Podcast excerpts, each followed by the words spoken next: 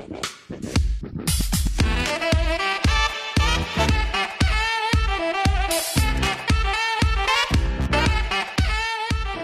сайн байцгаана уу? За сайн байцгаана уу? Өдрийн мэнд хүргэе.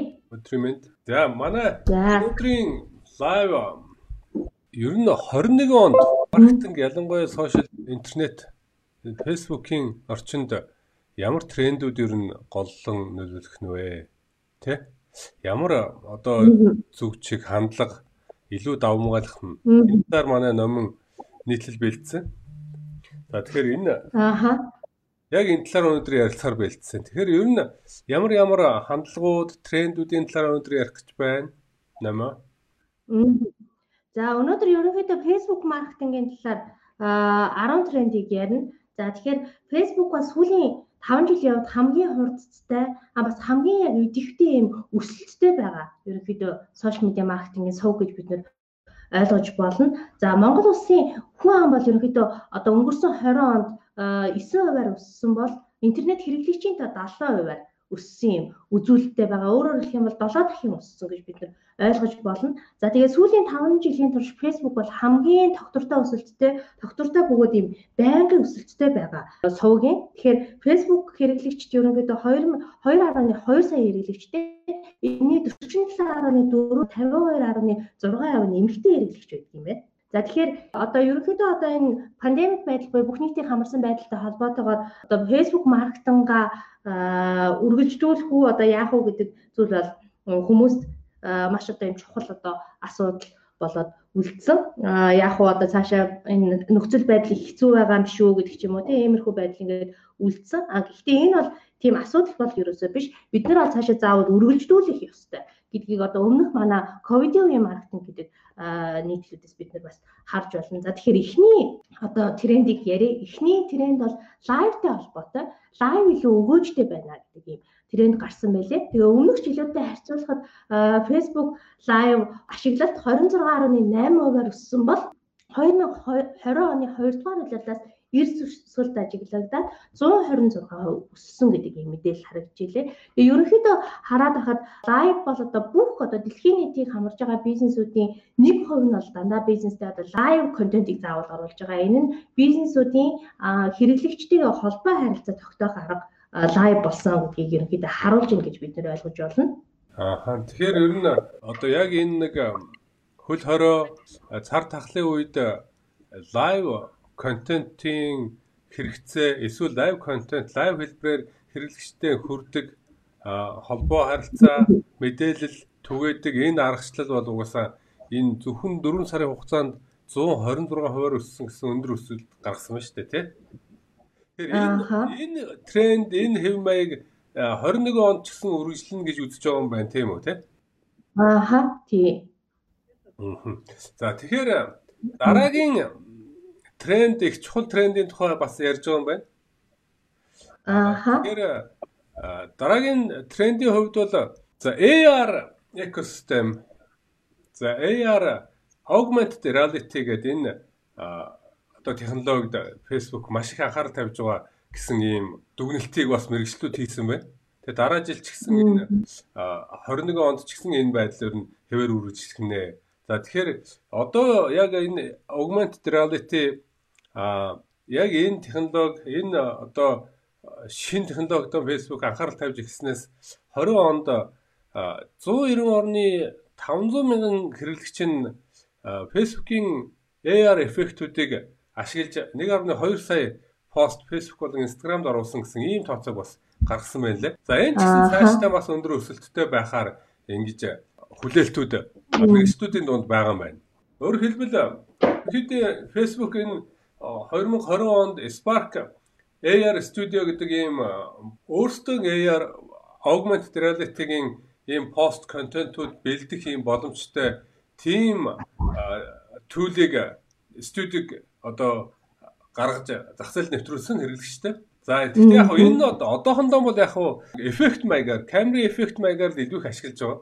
За өөрөөр хэлбэл одоо зургандаа, селфиндээ эсвэл ингээд лайв хийж байгаа одоо дүрс зураг бичлэгэндээ янз бүрийн нөгөө нэг юм эффектүүд оруулдаг шүү дээ тий. Одоо мессенжерийн ялангуяа мессенжерийн эффектүүд байна. Лайв хийж байгаа шууд камера хийж байгаа эффектүүд байна. Иймэрхүү эффектүүд хэлбэрээр илүү их ашиглаж байгаа. А гэхдээ яг цаашдаа одоо энэ боломжууд нь улам их нэмэгдээд 21 онд бол бүр илүү их одоо олныг хамарсан илүү олон хүнийг олон өргөн хэрэглээтэй ийм тренд болох ийм чиглэл байна гэдээ ингэж үзсэн байлээ.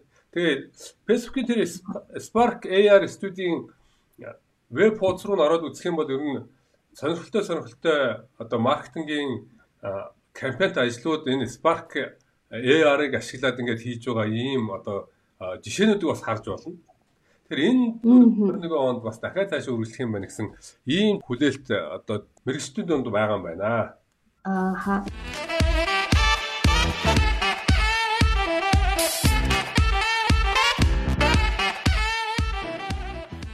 За гуравт нь болохоор видео контент маркетингийн өсөлттэй холбоотой мэдээлэлтэйсэн.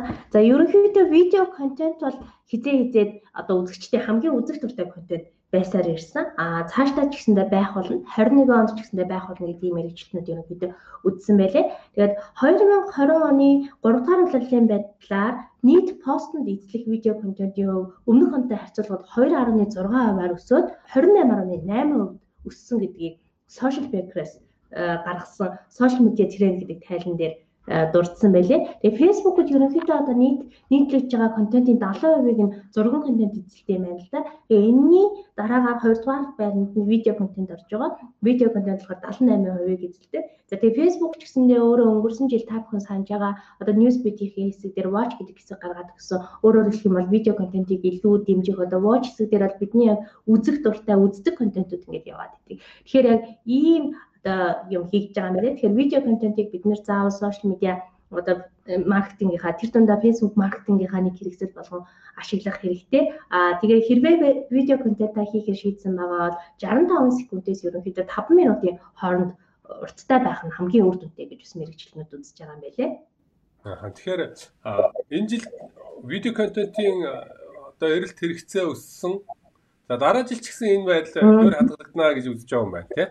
Аха, яг зөв. За дараагийн маш чухал тренд энэ жил өнгөрсөн одоо 1 2 жилийн хугацаанд Facebook Facebook группүүдэд маш их анхаарал хандуулж эхэлсэн. За тэгээд зөвөр энэ статистикийг харахаар нийтдээ 10 сая группэд 1.4 тэрбум хэрэглэгч нь сар бүр одоо идэвхтэй одоо оролцож одоо өөрийн гэсэн одоо группүүдэд оролцож оролцоотой ийм байна. Идэвхтэй группийг ашиглаж байна гэсэн ийм одоо статистик тоо мэдээллийг харж байна. Тэгэхээр ерөнхийдөө ийм нэг юм хаалттай тэгээд нэг тодорхой сонирхлын тодорхой одоо сэдвээр ярилцдаг тодорхой сонирхлын хүрээнд одоо нэгдэж нийлсэн ийм хүмүүсийн ийм группүүдийг Facebook ч гэсэн алгоритмын хэмжээнд маш их дэмжиж байгаа. Дээрэс нь хүмүүсийн хувьд ч гэсэн хэрэглэгчдийн хувьд ч гэсэн бүх зүйл паблик байхаас илүүтэйгээр тий паблик байхаас илүү а тодорхой одоо таньдаг хүмүүс эсвэл найз нөхд эсвэл сонирхол нэгтэй хүмүүсийнхаа цугласан нэгдмэл нэгдсэн энэ групп илүү их одоо тодорхой сэдвүүдээр ярих энэ үзэгдэл нь илүү өндөр одоо болж байгаа. За тэгэхээр ерөнхийдөө цаашдаа ч гэсэн энэ тренд бол илүү одоо ингэж хадгалагдаж бүр илүү идэвхтэй эрчтэй хөгжиж ингэж явах юм байна гэсэн ийм бас хүлээлтийг мэрэгчлүүд гаргаж байгаа юм байна. За нөгөө талаас бизнесийн байгууллагуудын хувьд Facebook группүүд өөр өөрсдийн группүүд нээсэн байдаг. За дээрэс нь тэр группүүд яг өөрийн гэсэн хэрэглэгчдийн өөрийн хэрэглэгчдийн группүүд үүсгэсэн байдаг. Тэрнээс гадна сүүлийн одоо 1-2 жилийн хугацаанд сүүлийн жилүүдэд Facebook пэйж хуудасаараа бусад группүүдэд нэгдэх ийм боломжууд гарч ирсэн. За өөрөөр хэлбэл өмнө нь бол ингээд зөвхөн хэрэглэгчтэй зөвхөн одоо хувь хэрэглэгчдийн хувьд группүүд нэгдэж гişүүн гişүүн болдог байсан бол одоо пэйж хуудасаараа нэгдэх юм боломжтой болсон. Энэ нь өөрөө дахиад адилхан пэйж хуудасуудын хувьд бусад группүүд дээр харилцаа үүсгэх, бусад хэрэглэгчтэй холбогдох юм боломжууд олгож байгаа. Илүү ингэ бизнесийн одоо бас группийн хувьд бизнесийн боломжуудыг нээж өгч байгаа ийм байдлаар цаашаа хөгжиж байгаа юм байна. Тэгэхээр дараа жил 21 онд дахиад адилхан өөрийн гэсэн группүүд, хаалттай группүүд, тодорхой сонирхлын бүлгүүдэд зориулсан группүүд илүү эрчтэй, хүчтэй гол трендийн нэг байх нь. Тэгээ энэ жил бол группийн хэрэглээг бол монголч яг монгол одоо фэйсбુક группүүд монгол маркетрууд монгол одоо цахим худалдаа эрхлэгчид за дээрэс нь улс төрийн маркетингийн хувьд ч гэсэн группийн хэмжээнд маш одоо анхаарал тавьсан. Тэгээ пэйжүүдээс илүү одоо саяын сонгуулиудаар бол Facebook группүүдэд илүү их ач холбогдол өгж байгаа харагдаж байлаа. Аа цаашдаа ч гэсэндээ нөгөө яг өөрийн гэсэн групп гэхээс өөрийн гэсэн групп хэрэгтэй. Аа бас давхар нөгөө яг тэр сонирхлынхын дагуу тий хаалттай группүүд бизнесүүд ер нь нэгдхийг хүсэх тийм магадлал бий гэж үзэж илээ. Тэгэхээр ер нь групп их үр дүнтэй байх магадaltaй харагдсан байлээ.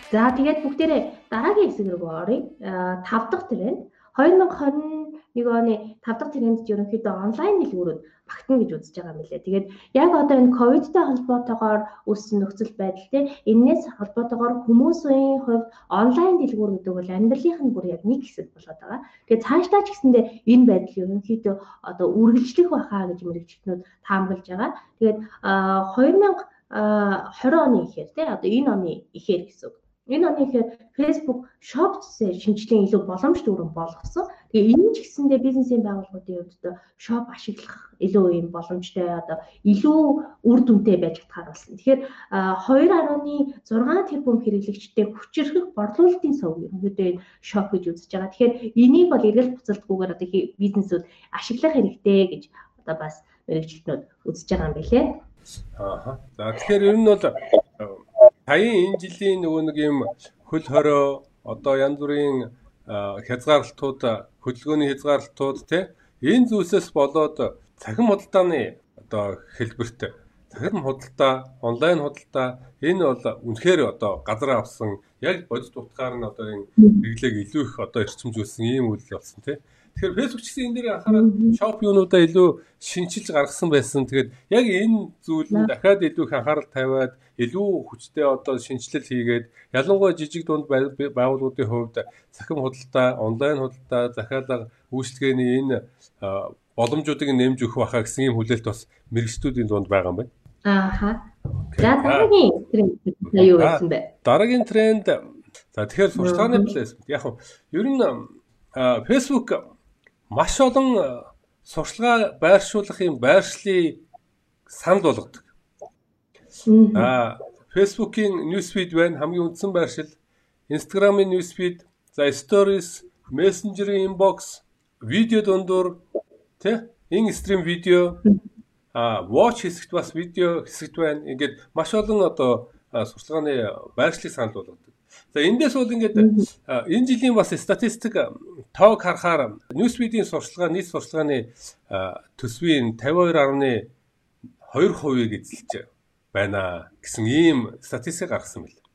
Өөрөөр хэлбэл ерөөсөө маркетруудын хувьд гол төсвөө энэ Newsfeed, Facebook Newsfeed-ийн сурчлагаа зарцуулж байна гэдэг. Ийм статистик. За тэгээд дээрэс нь яг дахиад нэг өөр тооны хувьд гэх юм бол ер нь ингээд энэ олон байршлаа сурчлагын байршил сурчлага байршуулах энэ сонголтуудаас Newsfeed Facebook-ийн Newsfeed сурчлага илүү үр дүнтэй илүү олныг хамарсан ийм байдлаар олон хүмүүсийн сонголт болоод ийм байдлаар цаашдаа 21 он ч гэсэн үргэлжлэх юм байна. Тэгэхээр гол шалтгаан нь гол шалтгааныг нь бол мэрэгчнүүд энэ ерөөсөө Facebook Newsfeed-ийн Newsfeed-д байршуулсан сурчлага үр дүнгийн хувьд бусад сурчлагатай харьцуулах юм бол илт давуу өндөр одоо үзүүлэлтийг харуулж байна гэсэн ийм тоог харуулсан байлаа. Жишээлбэл одоо сурчлагын үр дүнг бодлон харуулдаг CTR буюу одоо click to reach тэгээ одоо даралтын хувь байна тий одоо клик хийсэн хувь гэсэн. Харсан хүмүүсээс одоо клик хийж даралт илүү анхаарал тавьж байгаа энэ хувь. Энэ хувийн хувьд 1.8% гэсэн дундаж статистик гаргад юм байна. А харин бусад сурчлага одоо стрим видео дундуур явуулдаг сурчлага эсвэл видео сурчлагынуудын хувьд бол энэ хувь 80 0.85-аас нь 65% ийм харьцаатай байдаг гинэ. Тэгэхээр ерөнхийдөө гол одоо шалгуур гол одоо тэр юун дээр сурчлагын энэ тренд болж байгаа илүү одоо сонголт энэ болж байгаа энэ гол шалтгаан нь ер нь энэ үр дүнгийн тухай асуудал байна. Тэгэхээр энэ дараа жил ч гэсэн 21 онд ч гэсэн энэ үр дүн энэ одоо маркетруудын сонголт цаашаа хэвээр үргэлжлэх байхаа. Тэгэхээр бидний хувьд ч гэсэн анхаарал тавих гол зүйл маань гол сурчлагынхаа байршлыг newsfeed тий энэ сурчлагын байршлыг бас орхиж болохгүй юм байна. Яг одоо сүүлийн үед Instagram-дах Instagram-д байршуулж байгаа сурчлагууд илүү үр дүнтэй байна. Instagram-ийн сторинууд илүү үр дүнтэй байна. Гэхдээ л click to rate буюу одоо даралтын хувь хэмжээгээр newsfeed-ийн сурчлагаатай харьцуулах ямар ч боломж байхгүй байна. Тэгэхээр 21 онд ч гэсэн одоо цаашдаа энэ сурчлага дахиад илүү давмгайлсан байдлаар үргэлжлэх юм байна гэсэн ийм таамаглалыг мэрэгчлүүд гаргасан байлаа.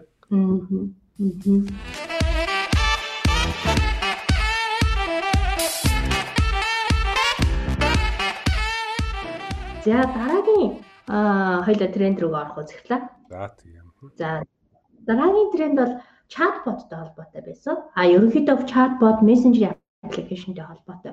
А би яг санаж жилийн өмнө захирал дээр яг энэ 2020 оны тренд гэдэг лайвыг хийж исэн. Тэрэн дээр бас чатбот их өндөр өсөлттэй байна гэж гарч ирсэн. Тэгээд тэр өсөлтөөс давсан үзүүлэлт бас харагдаж явах шиг харагдаж илээ. Одоо чатботын хэрэглээ өснө нэмэгдэн гэдэг тал дээр. А тэгээд хэрэглэгчид ерөнхийдөө одоо юу хүсэж байна гэхээр бизнесийн байгууллагуудаас юу хүсэж байна гэхээр хялбар байдал а бас шуурхай байдлыг хүсэж байгаа.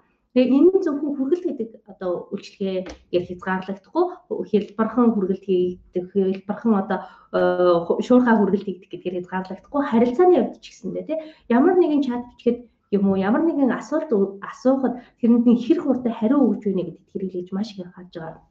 Яагаад вэ гэхээр бид нар бас энэ талаар өмнө зөндөө нөгөө чатботыг ярихад ярьж исэн баг.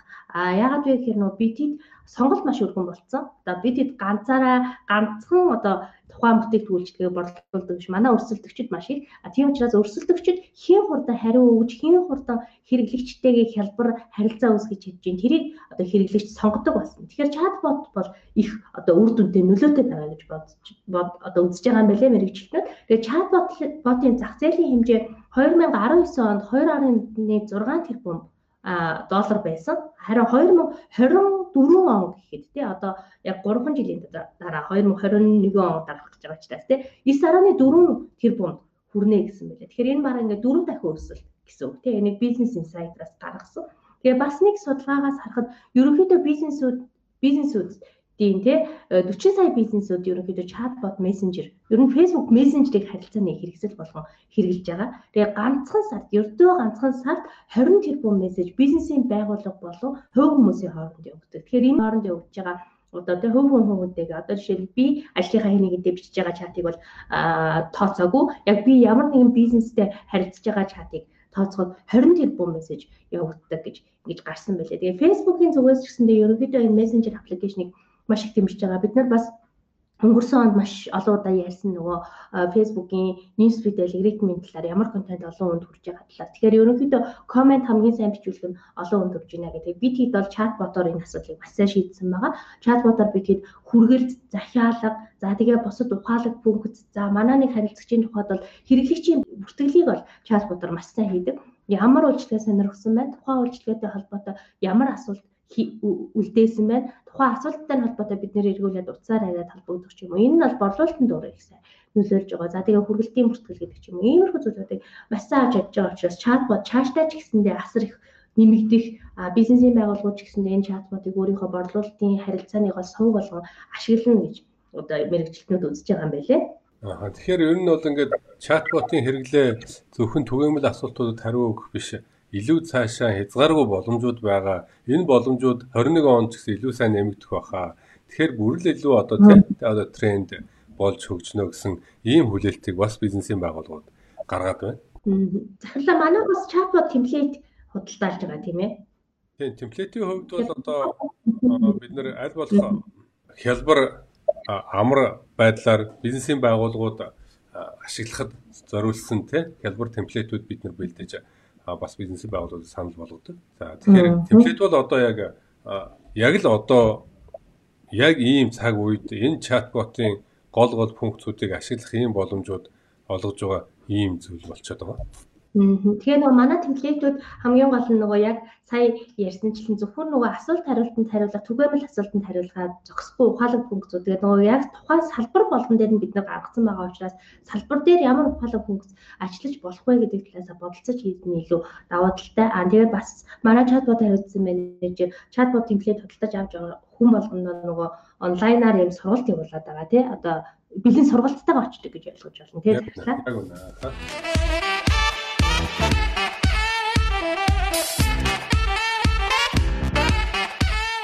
За дараагийн ер нь 21 онд хадгалагдах чухал трендийн нэг бол Facebook жижиг дунд бизнес, жижиг бизнесүүд, ялангуяа жижиг бизнесүүдэд илүү их одоо дэмжиж, илүү их анхаарал хандуулах байхаа гэсэн ийм дүн. Facebook бол одоо сурталчилгааны орлогоор Google-ийн дараа ордог маш том компани. Өөр өрсөлдөгч энэ хоёрт байхгүй ойрхон тий. Тэр орлогын 80-аас дээш хувийг нь жижиг бизнесүүд оруулдаг гэсэн. За тэгэхээр ер нь бол жижиг бизнесүүд бол үнэхээр одоо Facebook-ийн хувьд маш чухал одоо хэрэглэгчид. За энэ жилийн энэ 100 хаврын хугацаанд Facebook-ыг блок хийх хөдөлгөөн том брэндүүдийн хувьд үүссэн. Яг нэлээд хүчтэй өрнөсөн. Гэхдээ энэ болохоор яг үүндээ би Facebook-ийн одоо бизнесийн хувьд тийм сүртэй нөлөөлөх юм том блок биш юм байлээ. Яг тэр гол хэрэглэгчд нь жижиг бизнесүүд учраас тийм. За тэгээд Facebook-ийн хувьд жижиг бизнесүүдэд угаасаа л одоо хамгийн том боломж олгож байгаа үнэхээр одоо хэрэгтэй платформ. Өмнө нь бол одоо яг үнэндээ жижиг бизнесүүдийн хувьд томоохон байгууллагуудтай яг нэг ижил тэнцүү төвшөнд өрсөлдөх боломж бол үнэхээр асар бага байсан. А одоо бол ингээд энэ сумын төв дээр байгаа жижиг үйлчлэгээний газар дэлхийд даяар өөрийгөө таниулах юм боломж байна л гэсэн үг. Ерөнхийдөө гол санаа нь тий. Тэгэхээр ингээд жижиг бизнесүүд хамгийн чухал бизнес. А нөгөө талаас 20 он 21 он энэ нэг цар тахал за хөл хорой бизнесийн энэ эдийн засгийн хямрал энэ одоо зүйлсүүд жижиг бизнесүүдэд үнэхээр хамгийн хүнд тусч байгаа зүйл болчиход байдаг. За гол хэрэглэгчд нь гэсэн үг шүү дээ Facebook-ийн тий. За тийм учраас энэ Facebook-ийн хувьд бол жижиг бизнесүүдийг дэмжих хөдөлгөөн сая энэ энэ 100 энэ энэ жил өрнүүлсэн. За 30 мянган бизнес эдийн байгууллагуудад 100 сая долларын одоо сурчлагын квот одоо тий купон өгөх ийм ажлууд бас зохион байгуулсан. За энэ харамсалтай Монгол ороогүй байлаа л дээ. Танаас одоо нэлээд олон орны 130 мянган одоо бизнесийн байгууллагын 100 сая долларын сурталчилгааны тусламжууд үзүүлсэн. За нөгөө талаас энэ 21 онд ч гэсэн угаасаа ковид сар тахалтай холбоотойгоор жижиг дунд бизнесүүдийн хувьд бол үнэхээр том цохилт амссан. Тэр нь тийм хурдан сэргийгч юм боломж байхгүй байгаа.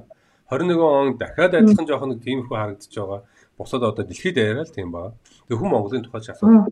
За тийм тохиолдолд Facebook бол дахиад одоо яг энэ гол хэрэглэгчтэй. За дээрэс нь энэ жижиг дунд эмзэг энэ одоо бизнес эрхлэгчдийг дэмжих юм бодлогыг бас цаашдаа маш сайн үргэлжлүүлэх байхаа. Эднэрт илүү их боломж олгох.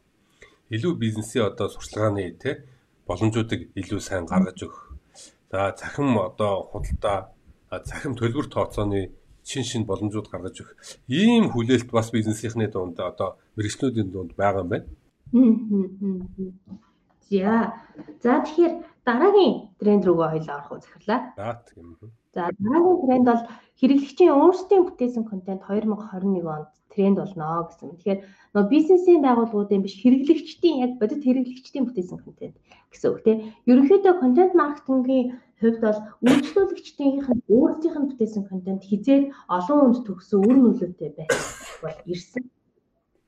Тэгээд контентыг нь заавалчгүй нөгөө юм бүтээлч ажиллагаа, мэрэгжлийн одоо янз бүрийн юм засвар хийгдсэн тий эдит хийгдсэн байх байх албагүй. А гэртээ яг өөрийнхөө боломжтой техник технологиг ашиглаад бүтээсэн контент би байж болно гэдгийг бүгдээрээ энэ ковидын үед бас их харлаа тийм ээ. За тэгээд өмнөх нь одоо биднээс бүр өмнө энэ нөхцөл байдалд орсон, хөл хорионы нөхцөл байдалд орсон бизнесүүд байгууллагууд одоо улс орны байгууллагууд бол бүр одоо их сайн энэ талаар одоо анхаарч ингэж харуулсан харагдчихжээ. За тэгээ бизнесийн Facebook-ийн хувьд бол яг яг ялангуяа ийм контентууд маш их байсан. За тэгэхээр бизнесийн байгууллагуудын зүгээс биш хэрэглэгчдийн нийцсэн контентын үзэлт 2020 оны 1-р сард 223 тэрбум байсан бол 8-р сард гэхэд 495 тэрбум болж яг үзэлт нь шүү дээ тий 2 дахин өссөн гэсэн тоо байлаа. Тэгэхээр яг бизнесийн байгууллагуудын гэхээсээ илүүтэйгээр хэрэглэгчдийн өөрсдийнх нь бүтээсэн контентууд илүү одоо юм үр дүнтэй байна гэж одоо бид э, үзнэ үзэж байгаа. Тэгэхээр цаашдаа ч гэсэндээ ерөнхийдөө одоо энэ хөл хорионы нөхцөл байдлыг бол 2021 онд ч гэсэндээ ер нь хിവэрэ байх болов уу? Ер нь энэ ковидтэй холбоотой нөхцөл байдал арилахгүй болов уу гэдэг мэрэгчлүүд бас үүдэлтэй бодолтой байгаа юм билээ. Тэгэхээр яг хэрэглэгчдэрээ контент бүтээх бас бизнесүүд анхаарах хэрэгтэй. За ялангуяа Facebook-д энэ төрлийн контентууд маш одоо эрэлттэй хүмүүс сонирхолтой тийм хүмүүсийн хувьд үр дүнтэй байж чадж байгаа гэдгийг бас анхаараарай гэж мэрэгчлэнүүд хэлсэн байлээ.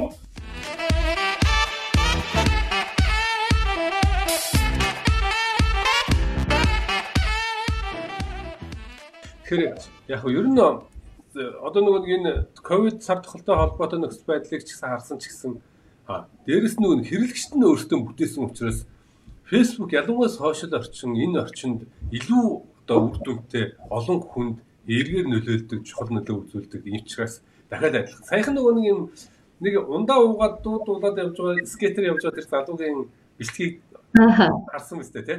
Харсан. Тий. Тэр чинь өөрөө тэгэл тэр бүм мөдөлт байна шүү дээ. Тий. Харин тий. Ундааны брендийн хувьд бол үнэхээр одоо маш чухал тийм контент болчихж байгаа байхгүй юу? Тэр одоо тэр ундааны брэнд маш том брэнд хэдэн сая доллар зарцуулаад сурчлага хийж чадах брэнд. Тэгээ тэрнийг хэдэн сая доллар зарцуулаад олон хүнд хүргэж чадах брэнд. Гэхдээ яг тэр шиг байдлаар хүмүүс өөрсдөө органик хэлбэрээр шеэр хийгээд ингээд аваад явах ийм боломж бас ховор байхгүй тий. Тийм учраас одоо энэ энэ контент илүү. Дээрэс нь онлайн орчин бол энэ цааш нь яг ийм төрлийн контентыг дахиад цааш нь авч явах чухал одоо талбар болчиход байна. Чаддаг бол одоо дандаа тийм контент хиймээр байна. За тэр тал руу бас дахиад байнга явж явах хэрэгтэй байгаа даа тий. За сүүлийн тренд таны захирлаа. Аа. Хаштагийн тухай байна. Хаштаг дээр бас Facebook нэлээ өөрчлөлт оруулаад шиг харагдсан. Тэгсэн энэ жил энэ жил бол хаштаг дээр маш их анхаарч байгаа. За ерөнхийдөө бид нар нэг юм одоо видео үзлээ гэхэд видео үзээд дуусангууд Facebook биднээс асуулт асуудаг болсон байлээ. А яг тэр видеоны одоо тайлбар текст хэсэгт нь ашигласан хаштагийг харуулад энэ хаштагаар нийтлсэн энэ хаштагийг ашиглаж нийтлсэн бусад постуудыг бусад контентуудыг үзэх үү гэдэг асуулт асуудаг болсон билээ. За яг яг ийм ийм байдлаар ер нь энэ хаштагийг Facebook энэ жил бол маш их анхаарал тавьж ингэж олон төрлийн тестүүд хийгээд байгаа харагдсан. Анзаарэгдсэн.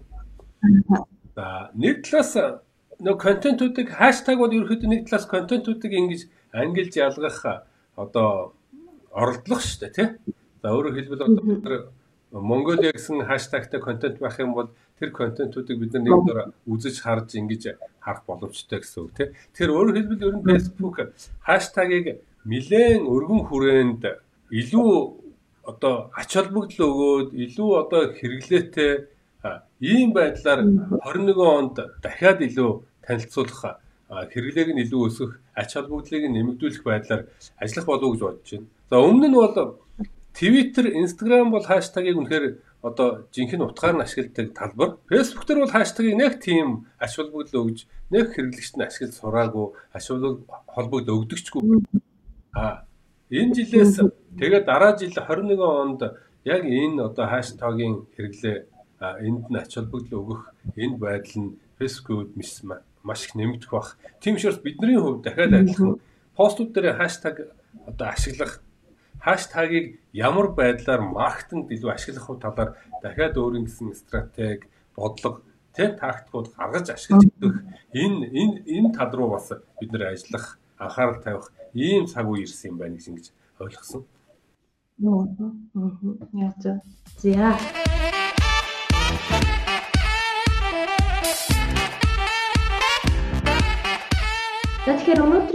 Ерөнхийдөө хоёулангийн ярих байсан 10 трендийн төрөд дуусчих.